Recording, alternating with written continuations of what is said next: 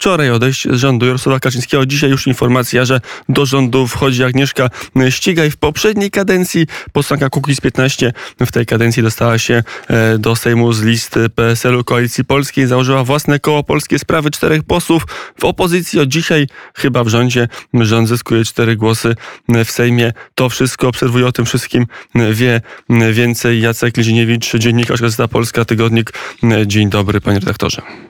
Dzień dobry, witam serdecznie. No rzeczywiście rząd Prawa i Sprawiedliwości czy też Zjednoczonej Prawicy, jak rozumiem, zyskuje kolejnego koalicjanta, takiego mikrokoalicjanta, cztery szable w, w Sejmie. To, to więcej niż ma Paweł Kukiz, bo Paweł Kukiz de facto ma trzy szable, ale grosz no to... do grosza w Sejmie i jest stabilna większość.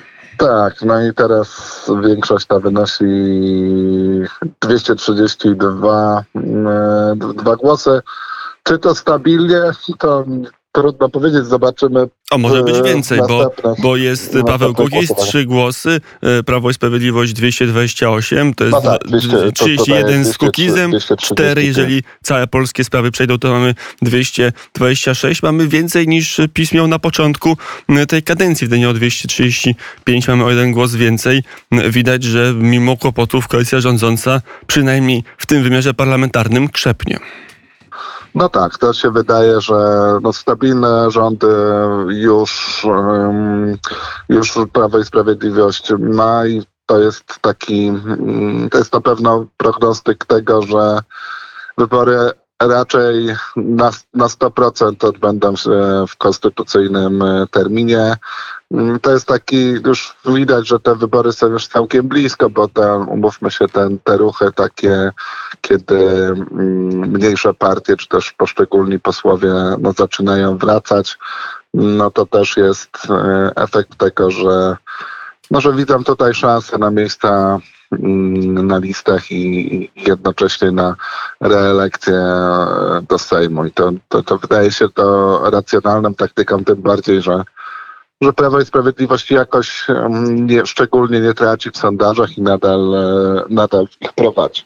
E, polskie sprawy. To była e, taka grupka posłów, tam część była, to była ta część grupa, grupy Pawła Kukiza, która nie poszła razem z nim, kiedy on opuszczał PSL Koalicję Polską. Doszedł tam e, z Zbigniew Giżyński, uciekinier z Prawa i Sprawiedliwości, ale to była taka grupa, która, którą PSL już myślało, że ma w swoim, w swoim ogródku, że to będzie kolejnie kilku posłów. Ten, ten jeden lider, Agnieszka Ścigaj, znana w Krakowie mniej więcej posłanka do dość aktywna, która będzie windować w tym regionie przyszłą koalicję centroprawicową, a tu się okazuje, że jednak Prawo i Sprawiedliwość to, to może być cios dla, dla PSL-u.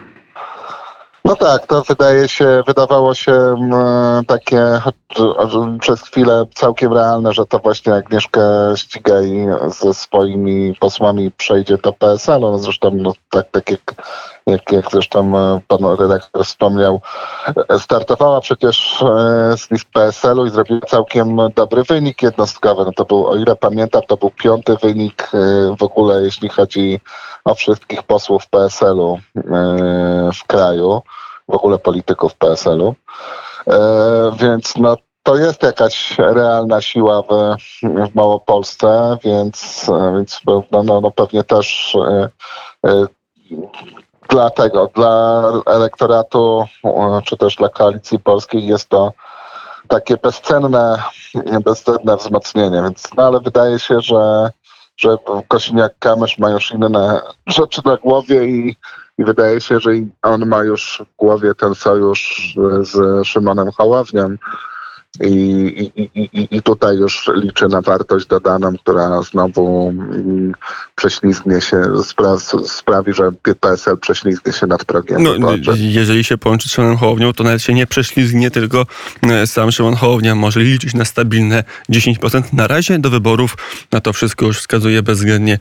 Zostało jeszcze 16 miesięcy. To dużo w polityce, ale jak na razie nie ma jakichś obaw, żeby, e, żeby Polska 2050 znalazła się po pod progiem wyborczym. Co innego... Ale stosunkowo jednak słabnie w tych sondażach. Ja bym powiedział, że wręcz znika, mm, jeśli chodzi o taką atencję mm, i zwracanie na siebie uwagi. Znaczy, i praktycznie w mediach, czy też w, w takiej debacie publicznej jej już praktycznie nie ma. Mm, to oznacza, że oznacza, że ten projekt jest w jakimś stopniu wygaszany, mam, mam takie wrażenie i, i, i, z pewnością jest pomyślane tak, żeby to co, to, co zostanie mimo braku jakiegoś, jakiegoś e, takiego radykalnego poparcia, żeby to, co zostanie, do, doszło, odeszło albo do, połączyło się albo z koalicją obywatelską, albo z koalicją polską. Mm, to jeszcze mm, jedna kwestia do omówienia krótko, czyli odejście z rządu Jarosława Kaczyńskiego. To już dzień wczorajszy. Y, przy tym tempie to niemalże prehistoria. No ale jeszcze wieczorem był wywiad dla mm, telewizji polskiej. No i tam parę y, ważnych i ciekawych cytatów, między innymi najbardziej omawiany ten cytat o Mariuszu Błaszczaku, który, jeżeli by szeroko ten cytat y, rozumieć z prezesa PiSu, jest szykowany nie tylko na wicepremiera do spraw bezpieczeństwa, ale być może na przyszłego przyszłego szefa Prawa i Sprawiedliwości. No tak, to oczywiście wygodny temat taki, bym powiedział, e, który się rzuca mediom, żeby się tym zainteresowały e, i jednocześnie z pewnością jest tak, że e, no, że Jarosław Kaczyński nie mówi tego przypadkowo, ale liczy, liczy na zainteresowanie i liczy, że będą że w partii też zaczną się jakieś ruchy frykcyjne, ludzie się zaczną e, mobilizować. No, Jarosław Kaczyński zapowiadał mobilizację partii, zapowiadał, zapowiadał też, że partie czekają głębokie przemiany, jeśli chodzi o, o strukturę. Mm, więc sądzę, że takie też e, zapowiedzi mają e, na celu mobilizować ten wewnętrzny, wewnętrzny ruch y, w partii. Wydaje się, że na razie ta perspektywa, w której Jarosław Kaczyński miałby odchodzić, y, jest daleka, co by nie mówić, bo, bo wydaje się, że zmiana y, teraz, w tym momencie lidera byłaby szkodliwa. No, tutaj można podawać przykład chociażby Platformy Obywatelskiej, która też na rok przed wyborami zmieniła e, lidera, też znajdowała się praktycznie, można by powiedzieć, w identycznej sytuacji, jak teraz znajduje się Prawo i Sprawiedliwość, bo też no, z tym, może z tą różnicą, że już nie, nie brylowała w sondażach i nie prowadziła. No ale też e, miała silnego lidera, Donalda Tuska, też e, kończyła drugą kadencję. No i e, lider postanowił zostawić partię.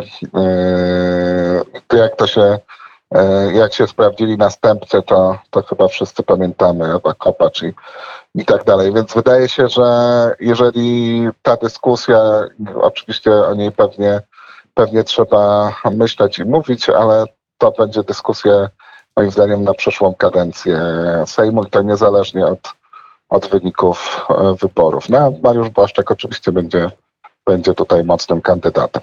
Mm, I będziemy mm, patrzeć, jak to się rozgrywa, chociaż oczywiście, mm, kiedy myślimy o Mariuszu Błaszczaku jako szefie PiSu, PiSu, to od razu nasze myśli, moje biegną, co z tym zrobi Mateusz Morawiecki. Osoba, która w ostatnich dopiero co wyborach szefostwa partii rządzącej miała najwyższy wynik wśród kandydatów na wiceprezesów. Proszę, więc... proszę zwrócić uwagę, że taka wypowiedź i taka dyskusja nawet, którą prowadzimy, to również ma, ma mobilizować e, premiera Mateusza Morawieckiego. Proszę hmm. zwrócić uwagę, że od, od jego przyszłość e, i sukces ewentualny w polityce e, zależy od zwycięstwa wyborczego Prawa i Sprawiedliwości w 2023 roku. Mhm. Jeżeli, jeżeli Prawo i Sprawiedliwość będzie wygra i, i, i, i będzie rządzić trzecią kadencję, będzie to sukces Mateusza Morawieckiego jeśli przegra i trafi do opozycji, myślę, że Mateusz Morawiecki e, no będzie po prostu jak tak będzie podzieli w jakimś sensie los Mariana Krzakowskiego. Mm, I to mm, jest sposób zarządzania i motywowania w polityce, zresztą nie tylko.